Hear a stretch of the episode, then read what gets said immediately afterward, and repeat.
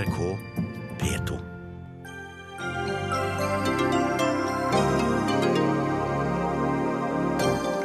Budsjettbom for Arbeiderpartiet. Enten prøver de å lure velgerne, eller så er de veldig dårlige til å regne, sier Siv Jensen. Det er ikke greit at Telenor-sjefen viser til taushetsplikt og nekter å informere næringsministeren, mener Martin Kolberg. Til tross for at oljeprisene fortsetter å falle, vil ikke OPEC kutte i produksjonen. Dette vil gå utover økonomien til folk flest, mener sjeføkonom.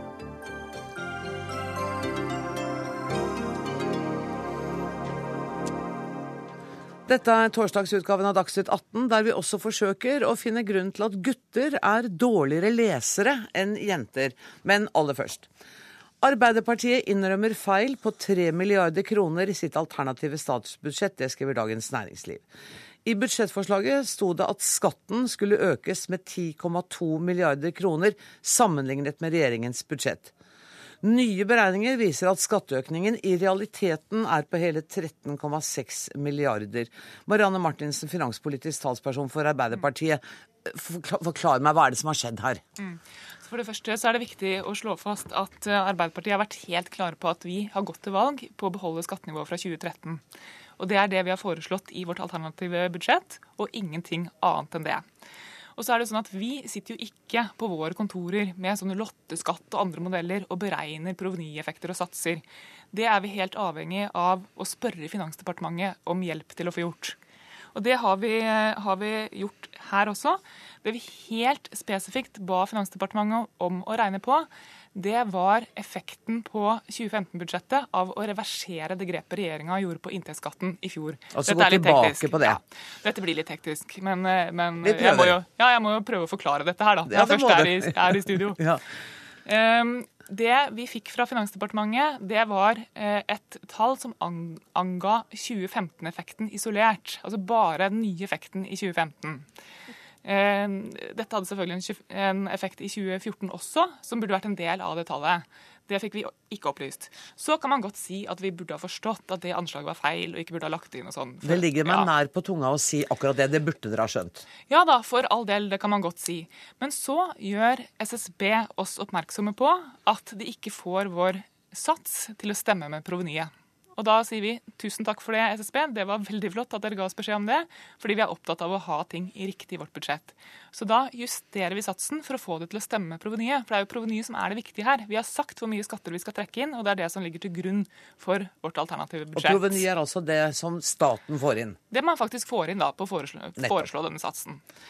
Eh, og det er da Norges finansminister finner ut at hun skal bruke sitt embetsverk til å begjære innsyn i mailutvekslingen mellom Arbeiderpartiet og SSB for å kunne løpe til media med denne saken og få et billig politisk poeng ut av det.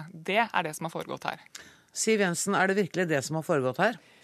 Det som har foregått her, er eh, at Arbeiderpartiet på den ene siden har regnet feil. Eh, men enda mer alvorlig, så sender de altså en, eh, hvis dette hadde blitt vedtatt, en skatteregning til norsk næringsliv og husholdningene på nesten 14 milliarder kroner. Det er klart det er alvorlig i en tid hvor norsk næringsliv står overfor betydelig omstilling og hvor de ber om forutsigbarhet, de ber om mer konkurranseevne.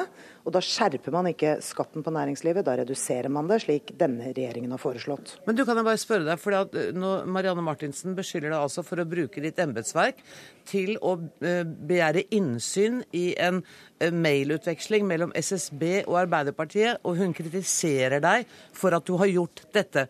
La meg først avklare, er det riktig at du har gjort dette? Ja, Det som er riktig, er at vi har kartlagt hvorvidt det har vært eh, enighet i beregningene fra Finansdepartementet og Statistisk sentralbyrå. Det er det. Eh, og Det betyr jo at det er Arbeiderpartiet som da har eh, operert med egne tall. Men det, det er jo litt typisk Arbeiderpartiet da å nå litt febrilsk legge skylda på andre. Det er de som har gjort denne feilen. Men det mest alvorlige her er jo ikke at de har regnet feil. Det mest alvorlige er at de altså sender en skatteregning til et norsk næringsliv som trenger noe annet. Og Derfor så tror jeg de er veldig glad for at vi har en regjering som er opptatt av å redusere det samlede skatte- og avgiftstrykket. Fordi Arbeiderpartiets opplegg ville jo ikke bare rammet næringslivet. Det ville jo også rammet helt vanlige folk med en veldig usosial profil, som kanskje hadde eh, hardest rammet dem som har minst fra før. Finansminister, jeg må bare jeg må forsøke en gang til. Er det eller er det ikke riktig at du har brukt embetsverket til å begjære innsyn i en mailutveksling mellom SSB og Arbeiderpartiet? Ja, Vi har kartlagt om det er overensstemmelse mellom Statistisk sentralbyrås vurderinger og våre vurderinger, og vi har funnet ut at de er like. Og at feilen ligger hos Arbeiderpartiet. Marianne Martinsen, da går vi til realiteten i saken. Det finansministeren sier, er at dere ville lagt en stor ekstraregning på husholdninger og næringsliv. Og det stemmer jo, gjør det ikke det? Nei, det gjør det ikke. Det vi har foreslått i vårt alternative budsjett, er en reversering av skattenivået til 2013-nivå. Og det at Siv Jensen nå prøver å lage en stor, mørk konspirasjon, konspirasjon, ut av at vi egentlig hadde en slags hemmelig plan om å øke skattene med 3 milliarder mer, så ville jo den naturlige konsekvensen vært at vi disponerte de 3 milliardene i vårt alternative budsjett på ulike formål. Det gjør vi ikke. Vår hensikt har hele tiden vært å reversere til 2013-nivå. Men hør, jeg gjerne... kan jeg bare spørre nå. For da, dere, dere la dere på 28 eh, skatt. Etter denne feilen så må dere da også redusere til 27,6% Og Da får vi et enda bedre fordelingsopplegg. Det er vi veldig komfortable med. Fordi at vi da klarer oss med en mindre sats på å kreve inn samme proveny. Men så vil jeg gjerne si til finansministeren at det er kanskje en av de viktigste oppgavene eh, et finansdepartement har, å skulle bistå partigruppene i utarbeidelsen av deres alternative eh, budsjetter. Og nå demonstrerer Siv Jensen en veldig ny og underlig måte å gjøre det på. For her har åpenbart Finansdepartementet sett dette. Og da ville det naturlig vært å ta kontakt med oss eh, og gi beskjed om at det anslaget som dere har fått fra oss, antagelig er brukt feil for å bidra til å oppklare den misforståelsen. Det gjør ikke Siv Jensen. I stedet bruker hun embetsverket til å begjære innsyn i vår mailutveksling med SSB, som har vært elskelig nok til å gi oss beskjed om dette, for å kunne lage en politisk drittpakke mot oss. Marianne ikke... Det du gjør nå er jo igjen å kaste skylda på finansministeren for en feil som dere har begått. Du kan jo ikke vente at Finansdepartementet skal sitte og rydde opp i de regnefeilene Arbeiderpartiet gjør. Vi har brukt et anslag som vi har fått fra Finansdepartementet. Så sa jeg helt innledningsvis her at vi kanskje burde vært mer kritisk innstilt til det svaret vi fikk. Det framgår ikke at dette er bare en isolert effekt for 2015 og ikke helt totalsummen, som var det vi ba om. Eh, men, men, helt klart, vi kunne sikkert ha sett det. Men når Finansdepartementet da ser at vi har lagt inn et av deres anslag på en måte som ikke, eh, som ikke går opp med satsen som vi, som vi, ønsker å innføre, så ville det vært ryddig og sagt hva er det som har skjedd her, dette må vi oppklare. Det er en av Finansdepartementets roller å bistå gruppene i utarbeidelsen av alternativt budsjett. Nei, det er feil. Det er ingen tradisjon for i Norge at finansministeren bruker den type teknikaliteter for å slå politisk mynt på det og lage en drittpakke. Jeg, Nå må finansministeren få slippe til. Ja, for Jeg tror eh, Marianne Martinsen har glemt at eh, Arbeiderpartiet ikke sitter i regjering. Finansdepartementets rolle er først og fremst å bistå regjeringen. Men så har man utviklet en eh, en assistanse på at de ulike partigruppene i opposisjonen kan sende spørsmål til Finansdepartementet for å få hjelp til å regne på sine alternativer. Det har vi gjort. Vi har bistått Arbeiderpartiet og svart på en rekke spørsmål både om skatter, avgifter og en lang rekke andre ting, og de svarene har de fått. At de ikke har evnet å håndtere dem, er jo i og for seg Arbeiderpartiets problem. Men Martinsen unnlater jo å snakke om det som er alvoret i dette. Ikke bare foreslo de først en skatteskjerpelse på over 10 milliarder, som viste seg å være nesten 14 milliarder. Jeg syns faktisk Arbeiderpartiet burde gå inn og drøfte hvilke konsekvenser de mener dette vil få for et næringsliv som nå ber om lettelser, som ber om mer konkurransedyktige rammebetingelser i en tid hvor vi ser at det er eh, store prøvelser, store omstillinger på gang. Ja, da trenger vi altså å lage bedre rammebetingelser. og Derfor tror jeg næringslivet er veldig glad for at vi har en regjering utgått av Høyre og Fremskrittspartiet som hører på næringslivets behov. Det er veldig kort fra Marianne Martinsen på dette. Ja, jeg møter mer enn gjerne Siv Jensen til debatt når som helst om de politiske konsekvensene av å reversere skattenivået til 2013-nivå, som er det vi faktisk foreslår. Så legger vi vår ære i å ha alternative budsjetter som er korrekte, konsistente på alle måter gjennomførbare. Og det er i sterk kontrast til det som har vært tradisjonen i Siv Jensens eh, eget parti opp gjennom åra. Det er nok en grunn til at alle de alternative budsjettene til Frp forsvant fra partiets nettsider da hun gikk inn i regjering regjering. Vet du hva, Jeg tror vi skal slutte før vi, det kommer flere usakligheter. Tusen takk til finansminister Siv Jensen, og takk til Marianne Martinsen. Martinsen heter hun. Kjetil Alstaheim er politisk redaktør i Dagens Næringsliv. Vi hører jo her Alstaheim, at det er en ganske høy temperatur. Men, men på, hvis du ser to, budsjettet totalt, så er jo dette nesten bagatellmessig. Og Arbeiderpartiet sier at vi har gjort en feil. og vi reduserer den. Hva er essensen i denne saken som skaper så mye hissighet? Jeg var redd for at du skulle nå spørre kan du forklare hva, hva, dette er, hva som egentlig har skjedd her, for da ville jeg svart nei. Jeg prøvde å lese det i dag, og jeg skjønte ingenting. Nei, det skjønner jeg. Men det interessante er jo hvorfor blir dette en så opphetet diskusjon? Eh, og jeg tror nok eh, Eh, noe av motivet her fra, fra, Siv Jensens side og fra regjeringspartienes side er at de har et behov for å, å snu skattedebatten litt. Grann. Nå har den i hele høst handlet om at regjeringen vil kutte i formuesskatten, eh, og der har de vært på defensiven. Eh, mens opposisjonen og Arbeiderpartiet har vært på offensiven og, og sagt at regjeringen gir til de rike osv. Og, og for, for, regjeringspartiene så handler det da om å få en annen diskusjon som handler om hva slags skattepolitikk er det Arbeiderpartiet faktisk fører. Mm. Men det interessante syns jeg har, er jo at finansministeren har brukt embetsverket til å begjære innsyn i en SMS-utveksling mellom SSB og Arbeiderpartiet. Ja. Uh, er det riktig, slik Marianne Martinsen hevder, at det gjør finansministeren for å ha muligheten til å gå til pressen med en skittpakke mot Arbeiderpartiet? Det, virker litt spesielt, eh, det, det, må jeg si. Fordi partiene på Stortinget er jo avhengig av eh, hva slags regnehjelp de får fra Finansdepartementet og fra, fra Statistisk sentralbyrå. Men, men det jeg syns saken viser, er litt et forvarsel om om eh, hvordan den skattedebatten kan komme til å utvikle seg i årene eh, i løpet av denne stortingsperioden. Okay. Fordi eh, Arbeiderpartiet holder fast på det at de skal ha skattenivået fra 2013. Og så kommer regjeringen til å gjennomføre skattelettelser. Og det blir forhandlinger med Venstre og KrF, men vi må anta at det blir flere skattelettelser i tiden fremover. Og da må Arbeiderpartiet svare på hvordan skal de øke skattene igjen? Eh, og det, blir, eh, det kan bli vanskelig. Vi ser i år allerede at de f.eks. ikke vil gjeninnføre arveavgiften, som ble fjernet av, eh, av de borgerlige.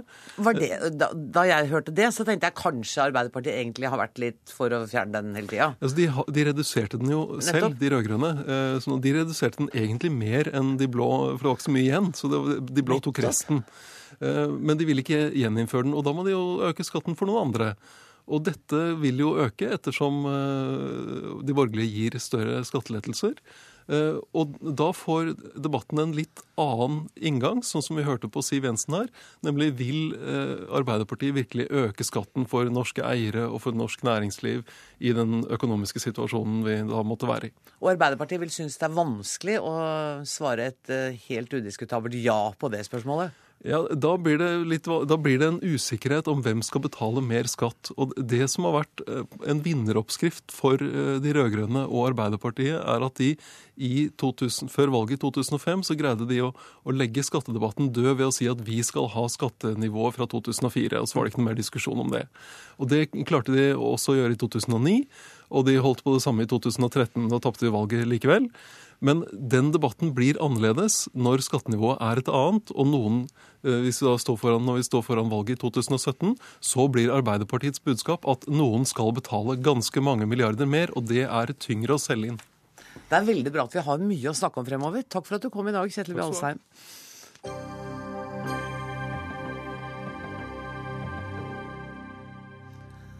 I går fortalte næringsminister Monica Mæland at hun ikke får vite alt om VimpelCom-saken av Telenor-sjef Jon Fredrik Baksås. Grunnen er at han sitter i styret i VimpelCom og dermed har taushetsplikt.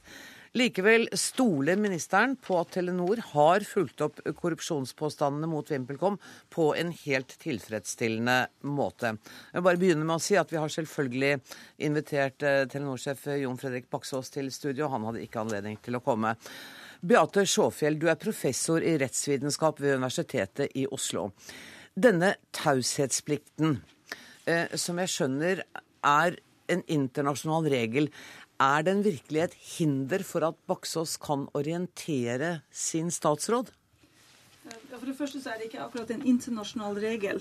Men, det er, eh, men det, er, det er, vanlig i eh, selskapsretten i de fleste land, kanskje i alle land, at eh, styret kan ha taushetsplikt. Altså kan bli enige om at dette her skal vi ikke gå ut med.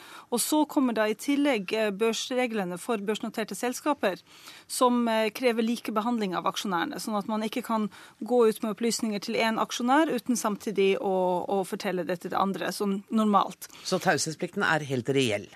Taushetsplikten er sannsynligvis reell, men det er eh, flere nyanser her. For det første så er det jo sånn at hvis det er eh, straffbare forhold som man får greie på som styremedlem, så kan man ikke bare sitte rolig og tenke at dette trenger jeg aldri å fortelle om, for jeg kan bare påberope meg taushetsplikten. Eh, og for det andre så kan det være forhold som man faktisk skal gå til aksjonærene med. Nå er jo dette selskapet registrert på Bermuda, så det er sannsynligvis selskapsretten der som regulerer det forholdet. Men hvis vi sammenligner det med norsk selskapsrett, så, så, vil der eh, styret i et datterselskap ha plikt til å informere morselskapet om forhold som morselskapet trenger å vite for å, å kunne eh, ivareta konsernet som helhet.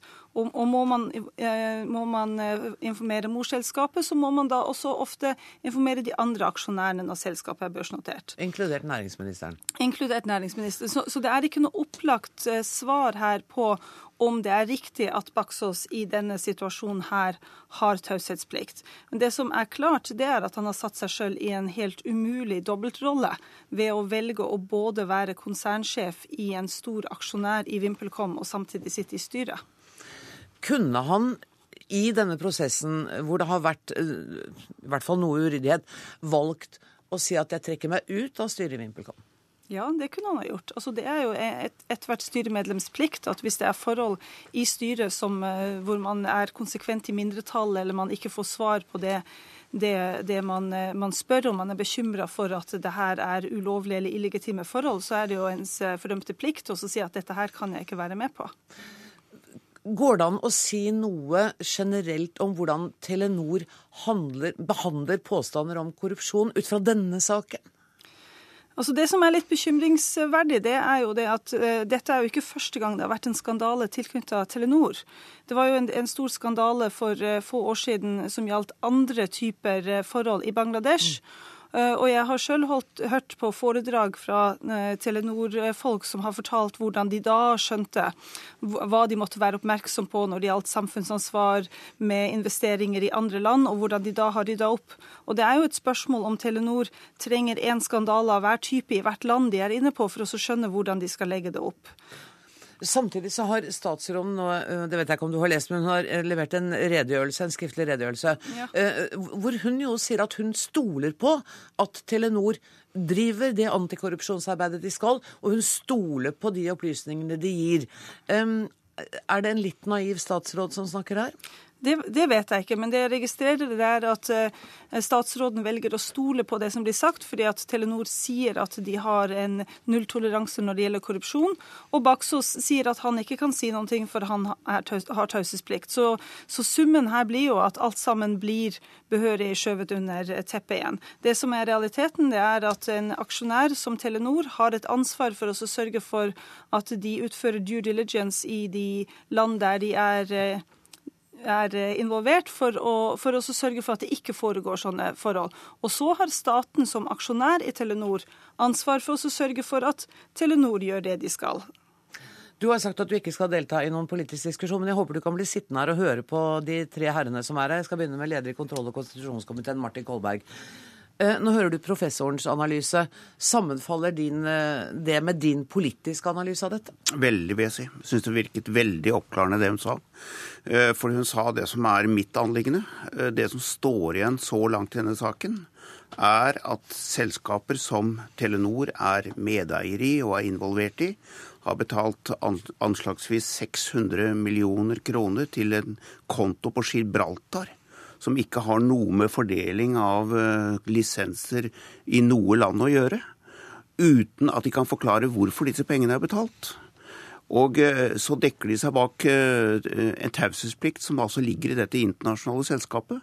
Og der står vi overfor et stort demokratisk problem, nemlig det at i disse store internasjonale konsernene, de hever seg over de nasjonale myndighetene hever seg over loven og sier ja, men vi har jo taushetsplikt, så vi kan ikke fortelle sannheten.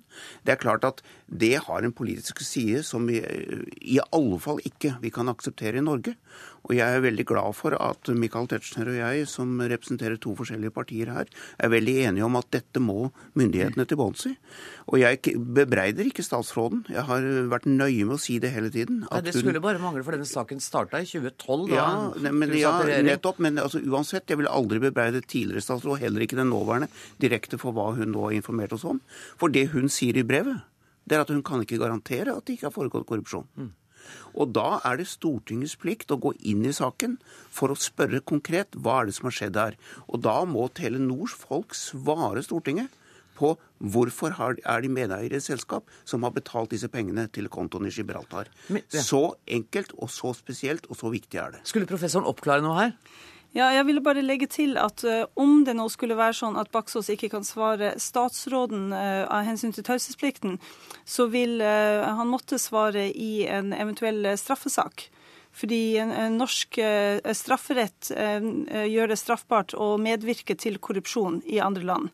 Og, og da vil straff, de straffeprosessuelle kravene til et vitne gjøre at han i hvert fall da må forklare seg. Men da snakker vi om høyt opp og langt fram, for da er det en lang etterforskning og mye som skal gjøres først. Eh, politikerne er mer eh, utålmodige. Michael Tetzschner, nestleder i kontroll- og konstitusjonskomiteen. Blir det en høring nå? Ja, men den blir ikke nå. Og bør ikke bli nå heller, fordi eh, som du var inne på, ja, det politiske miljøet er nå veldig utålmodig etter å få funnet ut hva, hva er gangen bak det fakta som, de fakta som, eh, som blir referert her. Og det er særlig perioden 2006-2011 hvor det er overført til eh, ledelsen i, i Usbekistan. Eh, presidentdatteren har altså fått vel 700 millioner kroner på konto. Og det er da vi må passe på at ingen av de pengene liksom kommer fra Telenor-systemet. Men hvorfor ikke nå? Hvorfor kan ikke høringen være nå? Jo, fordi Stortinget er ikke noe etterforskningsorgan. Kontrollkomiteen råder ikke over eh, etterforskere som eh, med to streker under kan si dette er fakta. Vi er altså nødt til å forholde oss til fakta slik de fremkommer når andre har slått dem fast. Og Det vil altså da si vanlige prosedyrer i rettsstater. Og nå er det jo det først og fremst det nederlandske politiet. Det er, det er politimyndigheten i tre land Økokrim eh, bidrar også, men, men mer med eh, bistand for vitneavhør, vitneopptak. Slik at dette er en stor internasjonal etterforskning. Og når, når det så avtegner seg et sikkert faktum, så må vi se på om er det gjort nok fra Telenors side for å være aktsomme, slik at man ikke gjennom dette fellesselskapet VimpelCom Eh, har bidratt til internasjonal korrupsjon. Du ser at jeg er litt utålmodig med deg nå. for jeg lurer på Hvorfor ja, sånn kan man ikke ha en høring er... før absolutt alle fakta Kan man ikke få en høring om hva er det som har skjedd til nå? Men Grosvold, du er kjent med maktfordelingsprinsippet. og Det betyr, betyr at Stortinget ikke løper foran og slår fast faktum. Eh, det er det andre organer som gjør, det er uavhengige domstoler som gjør, det er internasjonale rettsorden som gjør. Og derfor må, eh, For at vi også skal ha en, en meningsfull politisk debatt, så må vi føre den debatten på etablerte fakta, og ikke på spekulasjoner. Så det blir eh, høring om noen år? Nei da, det blir det ikke. Nei, altså Jeg bare markerer uenighet her. Selv om vi skal ta denne diskusjonen i kontroll- og konstitusjonskomiteen, så er jeg litt forsiktig for å gå for langt inn i det her nå, fordi at dette møtet kommer torsdag neste uke. Eh, men det er jo klart at denne saken har en politisk side. Telenor er et stort selskap som, hvor staten er majoritetseier, og vi vil vite politisk om selskapet er involvert i korrupsjon. Og det trenger vi ikke politiet til å, til å etterforske. Hvis ikke Baksås eller andre kan svare Stortinget sant og riktig på dette, så forstår jeg ingenting. Og det må vi det må vi få klarhet nå. Og det er klart at det er bare det faktum at det er etablert en politietterforskning mot et stort statlig selskap, indikerer helt tydelig at dette bør Stortinget inn i veldig raskt. Det har vært en veldig tålmodig mann som sitter der, statssekretær Lars Jakob Him i Næringsdepartementet. Eh, hvorfor syns dere det er greit at eh, Baksås bruker taushetsplikten, og hvorfor aksepterer dere det i en sånn situasjon? For det første så vil jeg bare understreke at fra Næringsdepartementets side så ser vi på dette som en svært alvorlig sak. Det er eh, etterforskning etter VimpelCom reist i flere land, og Telenor er, eh, har vitnestatus i denne saken. Vi har eh, vært aktive for å skaffe den informasjonen på bordet som vi kan, gitt situasjonen i dag. Og vi har redegjort både for hva vi har gjort, og de tiltak som Telenor gjennom styret har iverksatt i, i, i saken. Det eh, er betydelige tiltak som vi ser som positivt. Men vi har også understreket i den redegjørelsen vi har sendt til Stortinget, at det ikke er noen garanti for at det ikke har foregått ulovligheter. Det har vi allerede fått brakt på det rene. Da er spørsmålet hvorfor slår dere dere til ro med at eh, direktøren for Telenor sier at han kan ikke snakke med statsråden? Nå tror jeg jeg skal være tydelig på at vi har fått en del informasjon fra Telenor. Vi har hatt møte, vi har hatt redegjørelser. Det er, foreligger også en skriftlig ledelse fra Telenor som også inneholder opplysninger om hva som har skjedd i VimpelCom. Eh, men så er det sånn at eh, ja, likevel så vet ikke vi om all informasjon, fordi Baksås har denne taushetsplikten. Og den eh, følger jo av internasjonal, internasjonal, praksis. Men nå hører vi professoren si at det finnes unntak fra denne. Det går altså an å snakke. Det kan være situasjoner hvor han faktisk plikter å snakke med aksjeeierne. Det er det, og det er også sånn at han plikter å snakke med politiet. Og f.eks. i denne saken så har det jo vært tatt opp vitneforklaring av Vaksås. Så, eh, men den samtalen kjenner jo ikke vi i Næringsdepartementet innholdet av, og den skal ikke vi kjenne heller. Det er politiet som er rette organ for å etterforske en sak, og som må avdekke eh, om det har foregått korrupsjon eller ikke. Tida løper helt fra oss, men jeg må få en liten oppklarende runde fra professoren. Jeg syns det er viktig at vi prøver også å løfte oss opp et nivå her. Fordi det Baksos eventuelt ikke kan forklare seg om, det er hva som har skjedd i VimpelCom. Men det som han som konsernsjef må kunne forklare seg om, det er hva er det som har skjedd i Telenor. Og det kan staten som aksjonær kreve av eh, Telenor. Og Telenor som aksjonær må kunne forklare hva slags rutiner har de for å, for å sørge for at sånt her ikke skjer. Og det går langt utover å si at vi har nulltoleranse.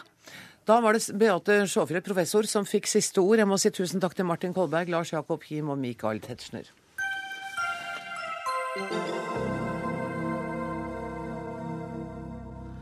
Oljeprisen har falt med mer enn 30% siden i sommer. Det sies derfor at OPEC-møtet i Wien i dag er det viktigste som har vært holdt på mange år. Organisasjonen av oljeeksporterende land, som består av tolv land, kontrollerer 40% av verdens oljeproduksjon, sånn røft sagt. Og til tross for fallet i oljeprisen, så vil ikke OPEC i dag gå inn for kutt i produksjonen. Og reporter Tore Tollersrud, du er med oss fra OPEC i hovedstaden Wien. Hvorfor vil ikke OPEC kutte? Det er først og fremst fordi de uh, største og sterkeste uh, medlemmene i OPEC, som da først og fremst er Saudi-Arabia og andre gulfstater, ikke ser seg tjent med produksjonskutt akkurat nå.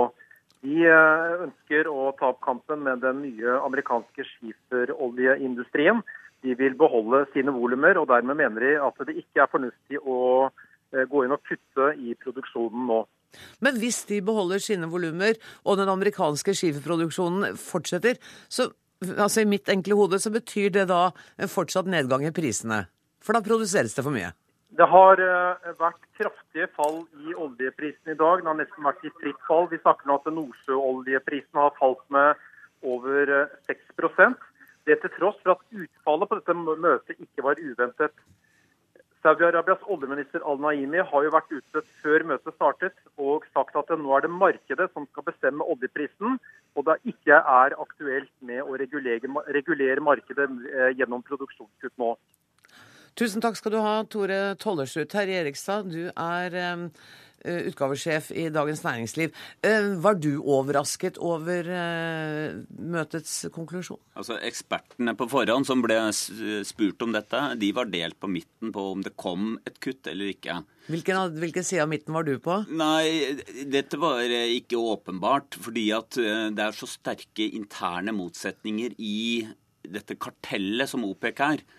Eh, OPEC er et kartell som ønsker å styre oljeprisen. Eh, og der eh, er det noen land som kan leve med en lav oljepris, andre land som absolutt ikke kan leve med en lav oljepris. Og nå har oljeprisen falt så mye at det er flere land i OPEC som er blitt litt desperate, f.eks. Iran og Venezuela, som ville ha kutt. Eh, Saudi-Arabia tåler dagens oljepris og har så, såpass mye å gå på finansielt at eh, de, eh, og som, som jo står for en tredjedel av, eh, av OPECs produksjon, det landet er jo det som bestemmer, da. Sånn at hvis man la vekt på det Naimi sa, mm. så var det ikke så overraskende at det ikke ble kutt. Men, men har det vært interne krangler, ja, tror du? Ja, absolutt. Ja. Uh, det, det, er det som er problemet med dette kartellet, som nå antageligvis er på en måte historie. Det er i hvert fall det som er lett å konkludere med i dag, at de klarer ikke å styre oljeprisen lenger. Og det er fordi det har skjedd én ting som ikke var der før. Og det er dette som eh, Tore Tollersrud nevnte, amerikansk skiferolje. Hvor viktig er den, da? Den er ekstremt viktig. Altså Siden 2011 så har all økt oljeproduksjon i verden kommet fra ett sted, og det er fra USA. Eh, resten av verden har egentlig produsert uendret. Så all produksjon, økt produksjon kommer nå fra USA. Og dette er uavhengige små produsenter som ingen på en måte bestemmer over. Det er private landeiere eh, kan selge grunnen sin. Og et selskap som vil investere, kan begynne å bore og pumpe olje etter kort tid. Og så lenge oljeprisen er høy nok til at det fortsetter, ja. så vil dette eh, utvikle seg videre. Og Men det er jo en grense for det. Og på et eller annet tidspunkt så vil så nå, nå er den amerikanske oljeprisen nede på rundt 70 dollar. Og ekspertene strides om hvor går smertegrensen. For det er ja. ikke én smertegrense. Det er mange produsenter, og noen tåler lavere priser. Andre har allerede problemer. Nettopp. Sånn at det, Nå kommer markedet til å bestemme oljeprisen. Og nå skal prisen ned fordi det produseres for mye. Og så vil de produsentene som ikke tåler det, forsvinne. Det vil bli investert mindre, og da vil prisen komme opp igjen og stabilisere seg på et annet nivå. Elisabeth Hornvik, du er sjeføkonom i Sparebank1. Norge er jo ikke medlem av OPEC. Hvor er tålegrensen for dette landet? Ja, Det varierer jo fra felt til felt, men vi skal huske at indrefileten er jo spist opp i Nordsjøen. De store, billige feltene er jo i ferd med å tømmes. Og det som eh, har blitt funnet av nye felt, det er jo mindre felt som er mye mer kostnadskrevende å ta ut. Men jeg vil jo bare si til det med oljeprisen, det er også en refleksjon av at nå begynner markedet å ta inn over seg at veksten ikke kommer til å bli så sterk som en skulle ønske seg. Altså den blir lavere vekst fremover enn det vi hadde i perioden fram til nå. Og det er jo i og for seg bra ut fra et klimasynspunkt? eller? Ja, det, det kan det være. Men uh, at veksten er lav, sant? det vil jo si at uh, etterspørselen etter olje blir lavere, og prisen blir lav. Og nå har vi sett en fallende trend i oljeprisen. Det vil jo gjøre at oljeselskapene må ta inn over seg at prisen framover kan falle videre. Ned til 60 dollar. Ja, og lavere. Det og blir ingen... liggende så lavt også, eller? Det kan det. Det her er det ingen som veit. Ok, Tegn konsekvenskartet for meg for uh, Norge og for oss vanlige innbyggere. Ja. Oljeprisen slår inn i norsk økonomi gjennom fire kanaler. Det første er jo oljeinvesteringene, som vi vet blir lavere. Neste år, så var det før dette oljeprisfallet, så regner en med at oljeinvesteringene ville falle med 10-15% og Det er det som har gitt ringvirkninger inn i norsk eh, økonomi, økt sysselsetting eh, etc. Det andre er at eh, oljesektoren ligger inne i frontfaget når en skal forhandle om lønn i norsk økonomi. Og når det har vært stor etterspørsel etter arbeidskraft i den næringa, så har det drevet opp lønnsveksten. Nå vil det moderere lønnsveksten i hele norsk økonomi. Det tredje poenget det er at inntektene til staten vil bli mye lavere når oljeprisen faller. Eh, en sterk dollar demper litt av den effekten. Men oljeinntektene til staten blir mindre. Det blir mindre penger å bruke over statsbudsjettet i framtida. Og det siste det er jo at valutakursen blir svakere. Og det er jo valutakursen som skal være med å omstille norsk økonomi. Mm. Og en svak valutakurs det gjør at alt vi importerer, blir dyrere. Og da får vi mindre eh, igjen av lønna vår til å bruke på andre ting.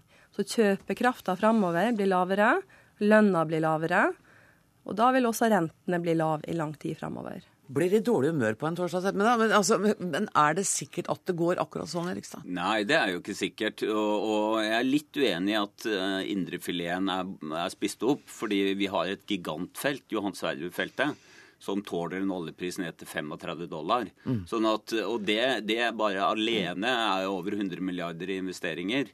Så det, det, er liksom ikke sånn at det er slutt for norsk oljevirksomhet. Det sa jo ikke Holvik heller. Men, men det, er ikke, det, er liksom ikke entydig pessimistisk. Og så er det den der fine mekanismen at eh, i dag så faller kronen kraftig. Ja, Det betyr at alle andre som selger eh, varer, eh, norske varer i utlandet, eh, egentlig får økt konkurransekraft som følge av dette. Pluss at resten av verden, som jo kjøper olje, kan øke sin økonomiske vekst, som også er positivt for Norge. Så det er noen motgående slags, effekter òg. Så du bør ikke bli for deprimert. på Skal ikke begynne å grine ennå. Tusen takk for at dere kom til Dagsnytt 18, Elisabeth Holvik og Terje Erikstad. Hør Dagsnytt 18 når du vil. Radio NRK Radio.nrk.no.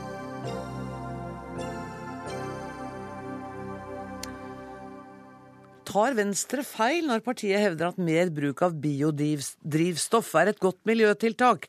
Ja, mener en forsker ved SSB, og han får støtte fra Miljøpartiet De Grønne, som mener at Venstre har for sterk tro på effekten av biodrivstoff. Bjørn Holtsmark, du er forsker ved Statistisk sentralbyrå og har vært på å skrive en rapport virkningene på klimagassutslipp ved økt bruk av biodrivstoff. Jeg så deg i Dagsrevyen i går og tenkte at den mannen må jeg snakke mer med i Dagsnytt 18 i morgen. Fordi vi har jo alle trodd at biodrivstoff skulle være den øyeblikkelige løsningen på store klimautfordringer. Og så sier du nei. Ja. Eh, det, jeg, jeg, jeg, jeg, tror ikke det er den store, enkle løsningen. Og det vi må klare klar når det gjelder dagens biodrivstoff, eh, så er jo det laget av eh, produkter som, dyrk, som, som lages på jordbruksland. Mm. Og i dag er det jo et kjempeproblem at jord, verdens jordbruksland ekspanderer inn i eh, tropisk eh, regnskog. Så det er den viktigste årsaken til at eh, tropisk regnskog nå i veldig sterk grad ødelegges.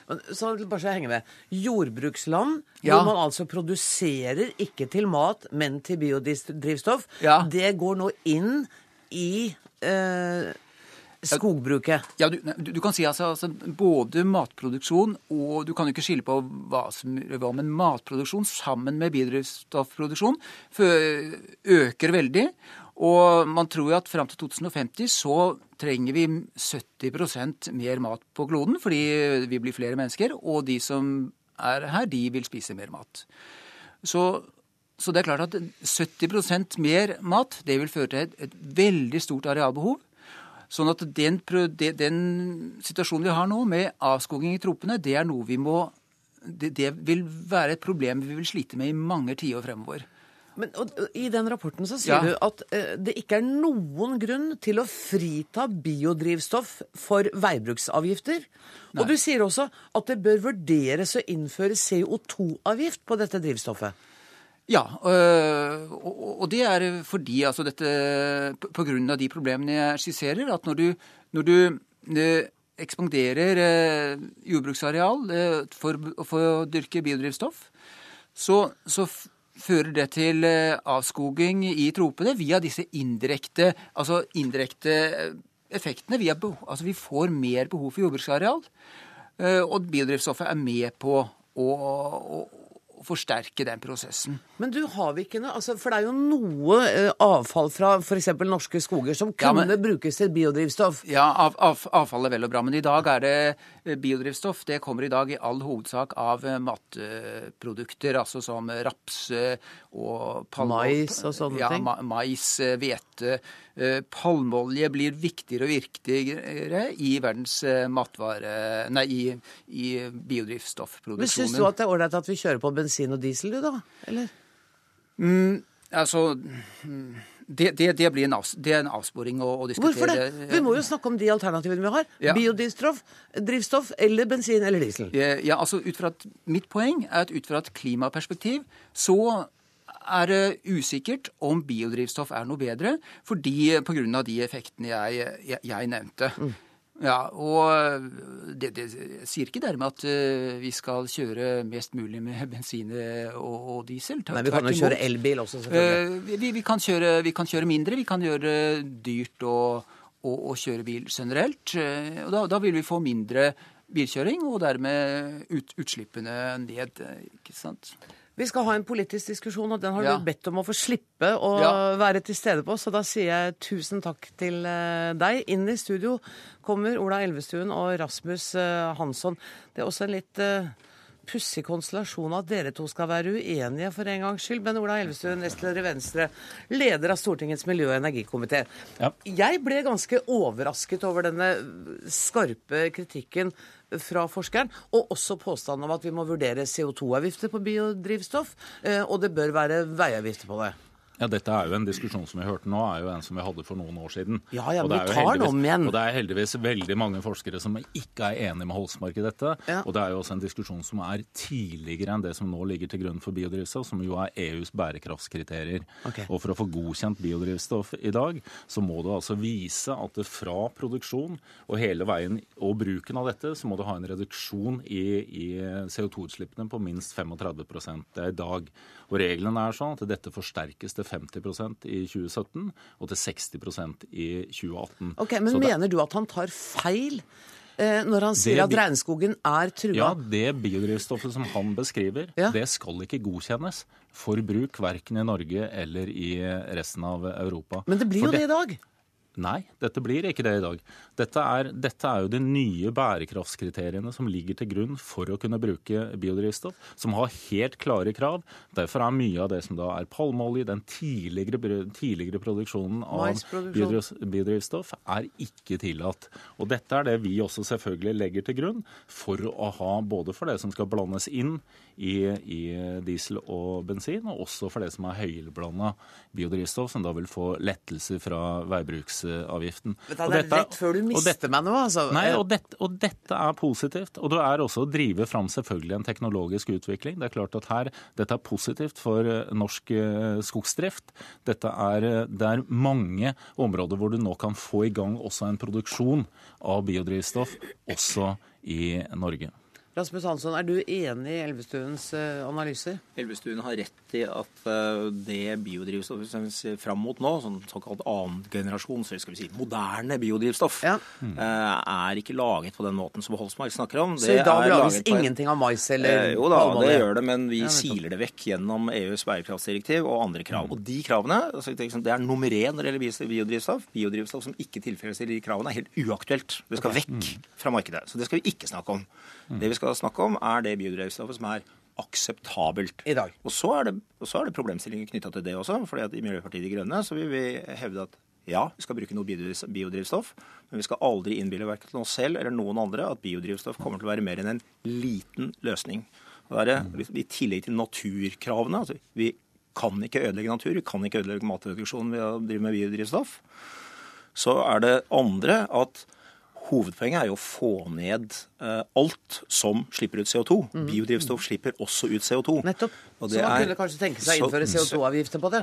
Det kan man uh, godt se, se, se fram mot. Uh, man skal bare se på biodrivstoff som en liten løsning. Og så skal man først og fremst gå løs på de store tingene. Få ned flytrafikken. Ikke først og fremst hele biodrivstoff på flyene. Få ned biltrafikken. Ikke bygge masse veier eller biodrivstoff på bilene. Og så skal vi bruke biodrivstoff til de få tingene som er igjen, når vi har fiksa uh, den store uh, rammen. Da kan det være brukbart. Og da kan det være interessant for norsk skogindustri å produsere noe, men vi må aldri innbille oss at dette er en stor løsning. Men det, det, er jo nettopp den helheten som etter statsbudsjettet jo bærer preg av. For nå har vi også gjort endringene med elbilene tidligere. De utvides også med leasingbiler. Nå gjør vi de ladbare hybridbilene også konkurransedyktige. Og så gjør vi biodrivstoff konkurransedyktige, eller også biogass. Det er jo allerede kommet investeringsbeslutninger i Skogn for å bygge fabrikk for å få det på plass. Så innfører vi også øker avgiften på, på, flyreiser. Og så er jeg helt enig. Der, Nå gjelder det å få opp et marked. Det er viktig. Det gjelder å få i gang en produksjon, og det gjelder å få i gang eh, bruken av biodrivstoff. Og så over tid, der dette er mest interessant, det er helt klart innenfor tungtransporten. For der har du ikke alternativene per i dag. Eh, og det er også over tid, så er det også innenfor eh, flytransport, hvor vi nå ser ser de første tegnene til at du begynner å blande inn biodrivstoff. Og vi har også satt i gang en prosess for å se på hvordan du kan lage insentiver for å få også biodrivstoff inn i flytrafikken. Ja, for du ser at biodrivstoff i flytrafikken kan være ja, en, en vei å gå. Mens du mener at vi skal redusere flyreiser. Og da lurer jeg på, Rasmus Hansson, hører du alle de lytterne som jeg hører som sitter og sier at Rasmus Hansson han er naiv, vi kommer ikke til å slutte å fly? Det som er naivt, det er å tro at man kan fortsette med den veksten i flytrafikken som er på vei vei nå. Altså Norge planlegger for, eh, for en enorm økning eh, i flytrafikken. Fornebu bygges ut for en helt, helt meningsløs økning i flytrafikken i forhold til alt det vi har der. I Bergen planlegger vi for å doble den. Det er, og, og i dag er det sånn at halvparten av ditt eh, CO2-utslipp, eh, hvis du tar med utenlandsreisen dine, det er flying. Halvparten av ditt eh, CO2-utslipp. Og, og det, ja, kanskje det er mer på deg. Men det, og det er helt uholdbart. Vi er nødt til å få ned flyreisene. Eh, Men før vi gjør det, hadde det ikke vært greit å gjøre som Elvestuen sier da, å øke eh, tilførselen av biodrivstoff? Nei. Eh, og det er ganske enkelt fordi at hvis vi skal levere biodrivstoff i en størrelsesorden som, som gjør at du kan både drive den, eh, det nivået og den økningen i flytrafikk som vi står overfor, så snakker vi om mengder som er helt uaktuelt å Nei, men i- i- Derfor må vi få ned Derfor må konsentrere oss om å få ned flytrafikken og konsentrere oss om å få ned biltrafikken. Og så kan vi bruke en skvett biodrivstoff til det som trengs. Men i henhold til FNs klimapanel så er det mulig å bruke biodrivstoff og også fylle opp det selvfølgelig som er innenfor flytrafikken. Og jeg tror vi må forholde oss til at det kommer til å være mye fly- flytrafikk også i åra framover. Jeg ser da, Vi skal gjøre det vi kan for å begrense den, vi skal gjøre det vi kan for å få opp et jernbanetilbud som gjør at færre flyr. I hvert fall så ofte vi flyr. I Norge flyr vi jo bare 500 km veldig ofte. Der burde vi ta jernbane. Det må vi ha en helt annen satsing på. Men at det internasjonale flygning kommer til å være der, det må vi ta inn over oss. Og da må vi se på og få opp alternativene Men det også vi, der. det, vi, det vi også må ta inn over oss, er at vi må faktisk gjøre noe med det. Det er jo der hvor, eh, hvor Venstre og vi skiller lag. Ikke på enkelttiltakene, som vi stort sett er enige om, men eh, det troen på at eh, dette nåværende statsbudsjettet faktisk gjør noe med klimagassutslippene. Når det ikke gjør noe med veksten i flytrafikken, når det bygger masse nye veier Men det gjør det jo. Det nei, men dere vet hva, Hele men- klimadebatten skal vi ikke ta. Kan ikke jeg bare spørre dere til slutt? men er Tror dere at, at bi, jo, men Vi kan ikke ta hele. Tror dere at biodrivstoff er på en måte et overgangsfenomen?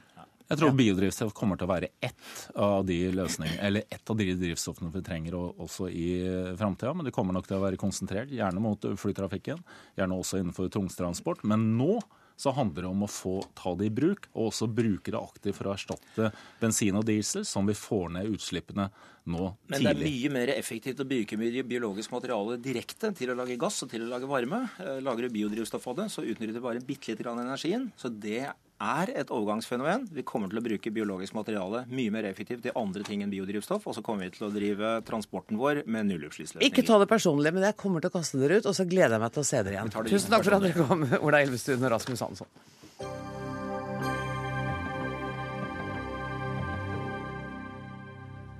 I dag kom meldingen om at PD James er død. Hun er krimdronningen som ga oss inspektør Dalgleish og et utall bestialske mord.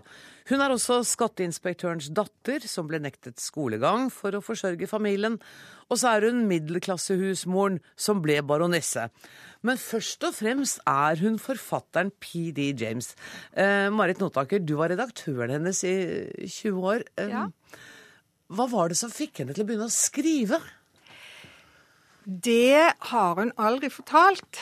Men jeg kan vel tenke meg, ut fra det jeg har lest f.eks. i selvbiografien hennes, 'En tid for alt', at hun nok må ha hatt et ønske om å strekke seg utover det daglige strevet for det daglige brød. Fordi at eh, når du ser på livet hennes, så er det klart, sånn som du eh, skildrer det der i starten, at det var jo veldig mye strev. Og det var veldig mye det å måtte innordne seg. Først faren, som mente at kvinner ikke behøvde ha så mye utdanning. Og så en livssituasjon med en eh, mentalt syk ektemann og ansvar for to små jenter. Så jeg tenker det at det var en form for eh, om ikke selvoppholdelsesdrift, så i hvert fall dette med at hun var et kreativt menneske, og hun var et allsidig menneske, og dette var veien for å få virkeliggjort, realisert seg selv, som man sier da. Mm. Ja, hun, hun ble født i Oxford i 1920, mm. så hun er 94 år. Og hun skrev jo til godt voksen alder. 91 år, siste roman. Var det siste romanen hennes, da? Yes. Ja, det er ikke verst. Har å, vi har litt å strekke oss etter. Vi har det. men, men Marit, når traff du henne siste gang? Jeg traff henne siste gang i 2004, det er ti år siden. Da var hun her for å eh, lansere en av eh, krimromanene sine. Ja. Hva slags forfatter syns du hun var? Det er så lett å, å si at hun var eh, serieromanforfatter, hun brukte Dalglish i så mange romaner, og at det ble litt lettvint. Men, men hvordan var hun som forfatter? Som forfatter så vil jeg jo si at hun var en slags brobygger kan du si, mellom den mer eh, skjematiske kriminalromanen 'Who Done It', ikke sant? Ja. hvor er morderen, og hvordan er puslespillet, og eh, den mer sånn psykologiske romanen. Hun var ikke noen Ruth Rendal som liksom fulgte morderen fra dag én, men hun var opptatt av det av personer, av det, det, psykologiske spillet mellom mennesker, menneskers moralske valg, mm. og av eh, også de mekanismene som drev eh, forbryteren, på sett og vis. Og også de dilemmaene det mennesket sto oppi. Så hun var over i det mer moderne, den psykologiske Absolutt. krimmen. Ja. Og skal jeg spørre deg om noe som hun sikkert ville hatet å høre. Mm. Eh, går det an å sammenligne henne med Agatha Christie? Jeg burde ikke spørre Ja, Nå er det veldig greit at hun ikke hører ja, jeg vet altså. det. Jeg vet. Fordi at uh, jeg har sittet ved siden av henne og fått det spørsmålet. Jeg har sett den lille strammingen i munnviken. Uh, hun syns Altså, det er klart det at sånn skjematisk To eh, litt sånn eldre kvinner, ikke sant, middelklasse, de skriver sånne bøker. Mm. Men det gjorde hun ikke. Hun kunne ikke få Altså, hun hadde ikke noe stor sans for Agatha Christie, selv om hun var veldig høflig. Hun syntes det å bruke amatørdetektiv var noe tøv. Hun mente at det at Fordi at hun var jo en realist, både i sitt liv og i det hun skrev. Og da var det politietterforskeren som oppklarte drap. Thank you very much. Og uh, inspektør Dalglish kommer til å leve fordi at bøkene hennes Det er en effektiv måte å, skrive krim på, og det er uh, en deilig underholdningslitteratur. Tusen takk for at du kom til Dagsnytt 18, Marit Mottaker.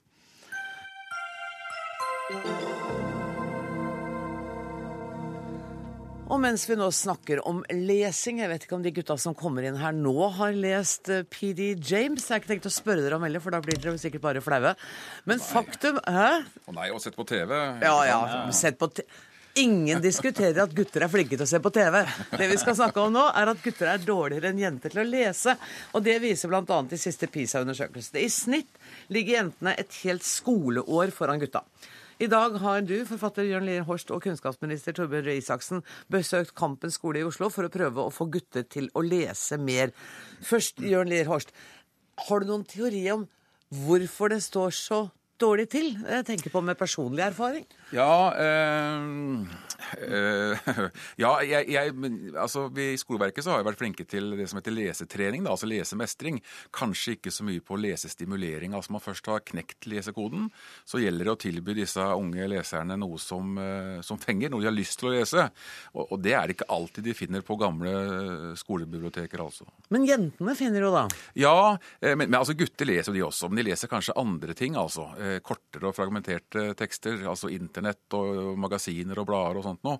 Eh, baksida på melkekartongen ja, og sånne ting. Men, men det, dette, og dette her tror jeg egentlig, den, den skaden her, da, eh, det vi ser nå, tror jeg er sånn sein- og langtidsvirkninger fra det som skjedde på 70-tallet, hvor, hvor bibliotekarene bar Hardy-guttene og Frøken Detektiv ut fra bibliotekene, mm. og, og, og Gyldenås gode guttebøker gikk inn. Altså Da fikk man altså en sånn litteratursosiologi, da, hvor det skulle handle om oppvekstproblemer og, og den slags. Og da ble terskelen veldig høy for gutta. Mm. Og de som i dag er pappaene, da, til guttene i grunnskolen i dag, det er jo de som ikke leser den gangen. Og så det er få gutter i dag som sitter hjemme og ser at pappa sitter i en stol og leser. Mm. Eh, så jeg tror ikke det bare handler om at vi skal prøve å få gutter til å lese, men også prøve å få pappa til å lese. Som gode rollemodeller og forbilder. Men du, kanskje pappaene også kan lese ungdomsskrivene dine? Altså Undervannsgåten, ja. f.eks. Veit du, vet du noe om hvem som leser? Bøkene? Ja, jeg, ikke så veldig mye. Men jeg vet at altså, jeg tenker jo ikke på det når jeg skriver, om dette er for gutter eller jenter. Eh, og bøkene mine leses eh, av begge deler. Eh, men nok antagelig litt mer av jenter enn av, av gutter. Men også mange bestemødre, altså. OK. Jeg skjønner jeg har noe ulest her. Jeg har ikke lest Undervannsgåten. Torbjørn Røe Isaksen, ja. eh, hvor mye skjønnlitteratur leste du da du var tenåring? Nei, Jeg leste mindre da jeg var tenåring enn da jeg var barn. Mm. Så jeg leste ganske mye da jeg var barn. Det tror jeg de barna vi møtte på Kampen skole i dag, de leste jo masse. Alle sammen. Alle gutta også. Så de var kjempeflinke. Men så tror jeg mange merker at det dabber litt av når du blir sånn 13, 14, 15, 16. Og så fant jeg igjen lesegleden da jeg ble ja, kanskje 20, par og 20. Men er det sånn for dere gutter at, at bøker er en viktig altså, For mange kvinner, og særlig godt voksne kvinner som meg, så, så er et døgn uten en bok i hånda er et utenkelig døgn. Men det- dette, Har dette, dere det sånn? Jeg må svare, Ja, men dette minner jo om at man ikke må generalisere. For at jeg er nok ikke riktig person å spørre om det. Altså, jeg klarer ikke å gå et eneste sted uten en bok. Jeg, jeg leser veldig mye, og ikke bare sakspapirer. Jeg elsker å lese. Syns det er kjempegøy. Og det er jo det, det vi har snakka om i dag, som jeg snakker veldig mye om som hvorfor det er viktig å kunne lese, hvorfor det er viktig for nasjonen og den enkelte, men det vi har snakka om i dag, er jo leseglede. Og hvordan får du Og da er det nettopp det som, eh, som blir sagt her, at for å få den sju-, åtte-, niåringen til å finne ut hvorfor det er spennende å lese, det å bli sugd inn i en historie, det å merke at du har ikke lyst til å legge deg, for du har bare lyst til å vite hva som skjer i det neste kapittelet, det er det vi snakka om i dag. Og hvordan gjør vi det? Nei, jeg eh, For det første handler det om at eh, når man er ung, så må man få lese også veldig mye av det man har lyst til å lese. Eh, I løpet av et liv i skolen så kommer man til å lese mange ting man må lese, men ikke nødvendigvis har lyst til. Men man må også få finne gleden ved å lese det man syns er gøy. Og så syns jeg at veldig mange skoler som har jobba bra med det, de har gjort lesing til en sosial ting. Ikke bare at eh, man sender de som er interessert på skolebiblioteket eller finner en bok til noen få, men hele klassen leser. De leser ofte noen av de samme bøkene. De snakker om det, de finner spennende bøker som de kan leve seg inn i.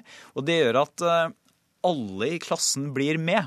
Eh, Og det er, det er noe litt annet enn en, enn å være den ene eller en av de to eller fem lesehestene. Da er dette her en sosial ting som klassen holder på med. Eh, Jeg husker Professor Toris Ørjasæter sa til meg en gang at det er ikke så viktig hva de leser. Det, altså det, kan, det kan være eh, Donald, og det kan være barnelitteratur og litt voksne. Altså det kan ligge flere bøker gående på en gang. Eh, ja, eh, ja, jeg er helt enig. Eh, at man finner det man har lyst til å lese. Ikke sant? eh, Og, det kan være, og det Ja. kan være ulike ting på en og samme gang. Ja, ja da, absolutt. Men når du snakker om det sosiale, er, er høytlesning er det helt ute, liksom? Nei. det er høytlesning er ikke ute i det hele tatt. Det er kjempeviktig at eh, man leser høyt for barna. Det er viktig at man gjør det hjemme også. Eh, Det at Det, Det drives det vel ikke med i stor grad i Jo, den det gjør det, vet Jo, sånn skal... på sengekanten. Jo, men Ja. på sengekanten og ellers. Men det at man, det at man tenker, prøver å finne litt rolig tid, og ikke bare leser fordi man må, eller fordi man skal, fordi det er lekser eller noe sånt, leser fordi det er veldig hyggelig. Det er viktig, og det er med på å stimulere lesegleden. Og så tror jeg, jeg tror også at det, er, at det er viktig at man får lese ting som er gøy. Og så skal vi jo i løpet av et skoleløp så skal man selvfølgelig også lese noe som man kanskje ikke ville tenkt på i utgangspunktet. Kanskje noen av de norske klassikerne f.eks. Men grunnlaget for det legges jo ved at du får en viss leselyst tidlig på. Hvorfor er det viktig eh, altså, å, å ha leseglede? Kan du ikke like gjerne ha fotballglede? Ja, jo da, men, men lesing er viktig, da, for det legger jo egentlig grunnlag for all videre kunnskap. Altså Det å åpne en bok er jo på mange måter å åpne eh, en, en helt ny verden. altså eh, Åpne opp for forståelse av hvordan andre mennesker lever, sette seg inn i andre menneskers levesett. Eh, så det, handler, det å lese handler om å forstå, eh, og det er viktig for å komme videre og fram. Så vil du kunne lese f.eks. Nå kommer det sikkert bok om eh, hvordan Molde, dessverre da, for meg som er fra Grenland, vant cupfinalen. Ja. Du vil jo kunne lese det også. Ja. Så det er jo, altså er du sportsinteressert, så er det i hvert fall viktig å kunne lese. Kanskje det kommer en bok om hvorfor det gikk så dårlig med Brann i går. Nei, det skal vi ikke snakke om nå. Men, men tenkte du noen gang, Jørn Lier Horst, da du var ung, at uh, jeg skal kunne leve av å skrive for andre? Nei, altså jeg hadde jo veldig stor leseglede når jeg var uh, ung. Uh, men jeg hadde egentlig noe, aldri noe drøm om å bli verken forfatter eller politimann, som jeg også har vært i veldig mange år. Men jeg har blitt uh, begge, deler. Men, men det, alt sammen springer ut i altså, lesegleden, leselysten. Altså når jeg var 10-14 år, da. Jeg, jeg leste Hardy-gutten, ikke sant. Det var Frøken Detektiv eller Fem og Tordigler Iversen fløy i skumringen og sånt. Og, og, den der uendelige lesegleden som jeg opplevde i de bøkene, eh, det er noe av det som jeg prøver å gjenskape nå med mine egne bøker. Det har inspirert meg til å skrive også for barn og unge. Og det virker som du lykkes. Eh, vet dere hva, kjære venner, jeg er nødt til å si tusen takk for at dere kom. Til deg, statsråd, eh, ønsker jeg på gjensyn i morgen, for i morgen er det 200 år siden ditt departement ble etablert. Det skal vi markere kraftig her i Dagsnytt 18. Eh, men akkurat nå sier jeg takk til Jørn Lier Barstad og Torbjørn Røe Isaksen, så skal jeg bare helt til slutt få nevne at ansvarlig for denne sendinga i dag, det var Ida Tune Øritsland. Ørritsland. Eh, og det tekniske ansvaret har Hanne Lunås. Jeg heter Anne Grosvold og ønsker på gjenhør i morgen.